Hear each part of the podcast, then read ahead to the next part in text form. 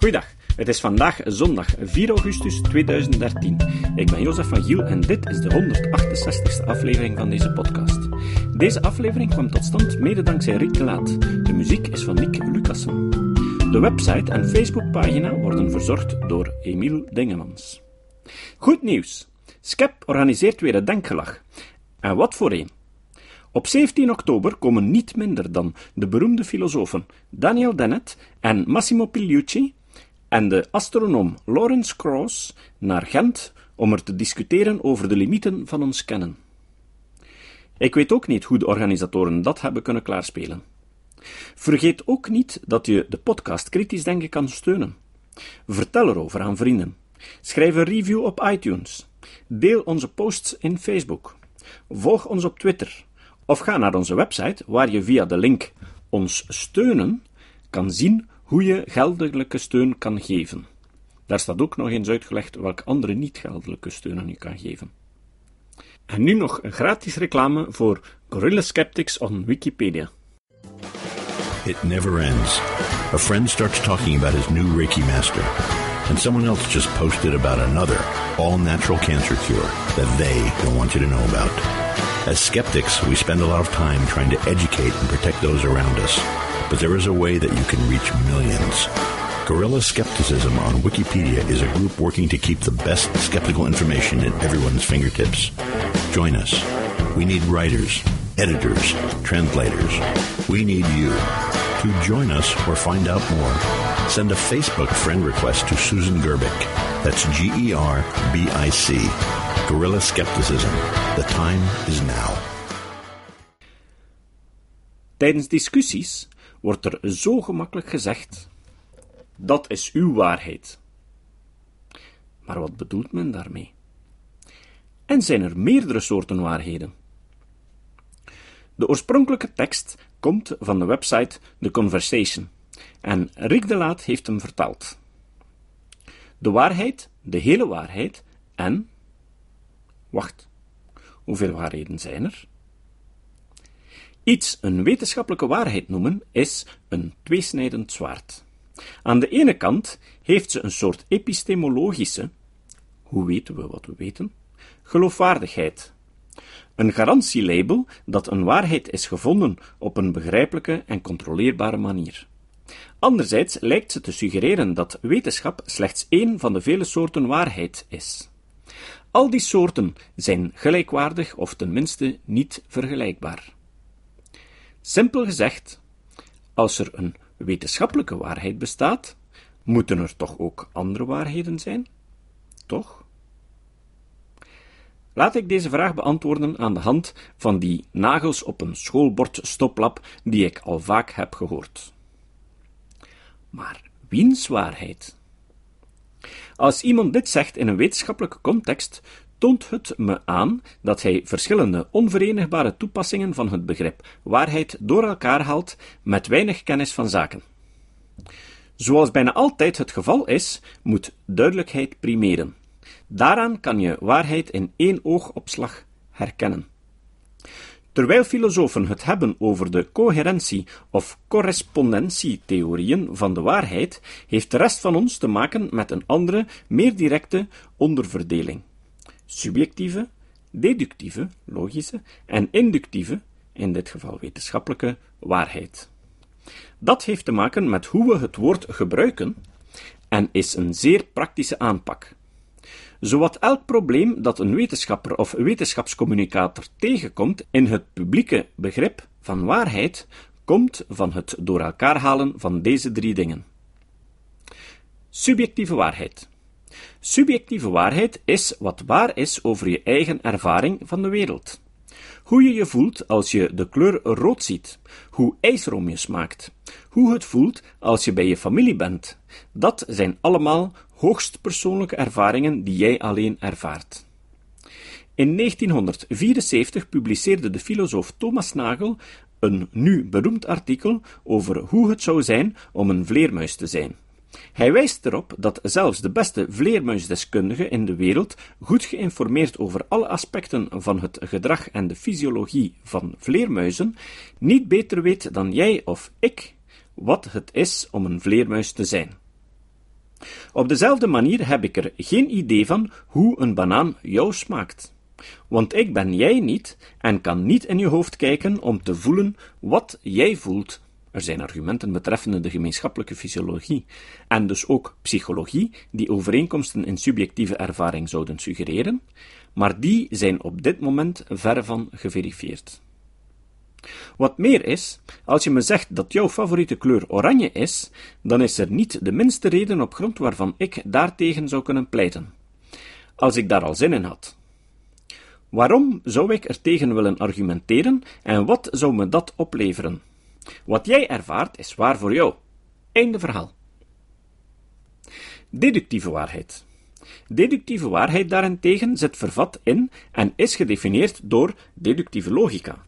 Bijvoorbeeld, premisse 1. Alle gronks zijn groen. Premisse 2. Fred is een gronk. Conclusie: Fred is groen. Zelfs als we geen idee hebben van wat een gronk is, dan is de conclusie van dit argument waar als alle premissen waar zijn. Als je denkt dat dit niet zo is, dan heb je het mis. Het is geen kwestie van mening of persoonlijke smaak. Als je deze zaak wil bepleiten, moet je uit het logische kader stappen waarbinnen de deductieve logica werkt, en dat maakt rationele discussie ongeldig. Als we ons houden aan de taal van de deductie, noemen we die redenering geldig, maar waar is voorlopig goed genoeg. In lessen over deductieve logica praten we over waarheidstabellen en waarheidsbomen, en spreken we om de haverklap over waar en vals, zonder te verpinken, omdat we weten wat we bedoelen met die woorden. Maar waar gebruiken in de wetenschap is echter problematisch om dezelfde reden dat het gebruik van bewijs daar problematisch is. Dat hangt samen met de aard van inductief redeneren. Inductieve waarheid. Inductie werkt meestal via analogie en generalisatie. In tegenstelling tot de deductie laat het ons toe verantwoordelijke conclusies te trekken die verder gaan dan de informatie vervat in de premissen. Inductie steunt op empirische waarneming en dat maakt de wetenschap anders dan de wiskunde. Als twee verschillende fenomenen zich samen voordoen, een elektrische stroom en een geïnduceerd magnetisch veld bijvoorbeeld, veralgemeen ik dat door te zeggen dat het altijd zo zal zijn. Ik kan zelfs een model, een analogie van de werking van de echte wereld ontwerpen om het uit te leggen. In dit geval het model van deeltjes en velden. Daarmee kan ik dan voorspellen dat dit zich in de toekomst ook zo zal voordoen. Daar gevolgen uit trekken en op die basis technologieën ontwikkelen. Bijvoorbeeld een elektrische motor. Zo bouw ik mijn kennis inductief verder uit en gebruik die informatie als een hulpmiddel voor verder onderzoek. Nooit krijg ik deductieve zekerheid, maar ik kan steeds meer gaan vertrouwen op mijn model. Ik kan die zaken zelfs waar gaan noemen, maar Afgezien van eenvoudige waarnemingsuitspraken over de waarheid, gebruik ik de term bij manier van spreken alleen maar om mijn hoge mate van vertrouwen weer te geven. Hier vallen een aantal filosofische muggen te ziften. Maar het is niet mijn bedoeling om de waarheid te definiëren. Ik wil alleen maar zeggen dat er verschillen zijn in de manier waarop het woord waar gebruikt kan worden. Dat negeren of deze toepassingen door elkaar halen leidt tot een verkeerde interpretatie van wat wetenschap is en hoe ze werkt. Die dame die tegen me zei dat voor haar spoken echt bestaan, haalde een subjectieve waarheid en een waarheid over de buitenwereld door elkaar. Ik vroeg haar wat ze echt bedoelde met het is waar dat ik geloof dat geesten bestaan. In het begin stribbelde ze wat tegen, maar toen ik haar vroeg of het voor haar waar zou kunnen zijn dat de zwaartekracht afstotend is, was ze vriendelijk genoeg om mijn suggestie te accepteren. Dat is de aard van de vele het is waar voor mij verklaringen waar de epistemologische geldigheid van een subjectieve ervaring misleidend wordt uitgebreid tot feiten over de wereld. Simpel gezegd verdunt het de betekenis van waarheid zozeer dat het onderscheid dat ik hierboven heb uiteengezet helemaal vervaagt, alsof waarheid maar één ding kan betekenen. Dat wordt meestal gedaan met de bedoeling de onbetwistbare geldigheid van die subjectieve ervaringen te gebruiken om dubieuze beweringen over de externe wereld kracht bij te zetten, zoals beweren dat homeopathie voor mij werkt. Die waarheidsclaim aanvallen lijkt dan hetzelfde te zijn als de echte subjectieve ervaring in vraag stellen. Schaakmat. Tenzij je inziet hoe de regels zijn veranderd. De wetenschap heeft een lange en pijnlijke strijd moeten leveren om uit dit cognitieve moeras weg te geraken, om subjectieve ervaringen te scheiden van inductieve methodologie. Elke poging om ze opnieuw met elkaar te verwarren in de publieke opinie over de wetenschap verdient onze onmiddellijke aandacht.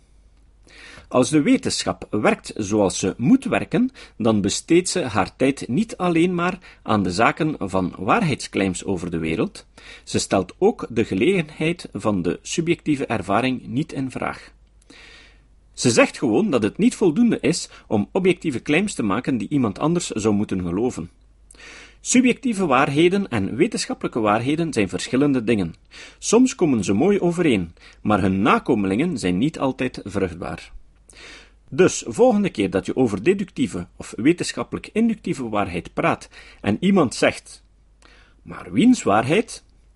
Zeg hem of haar dan maar dat het niet helemaal over hen gaat.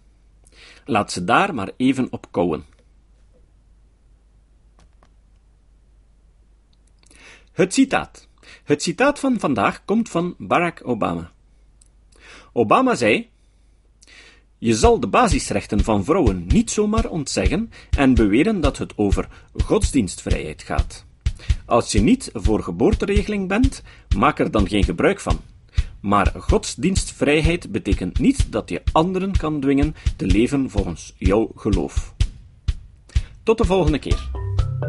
Dit was de podcast Kritisch Denken. Vergeet niet om alles kritisch te behandelen, ook deze podcast. Voor verdere informatie over deze podcast, links en voor de tekst, surf naar www.kritischdenken.info.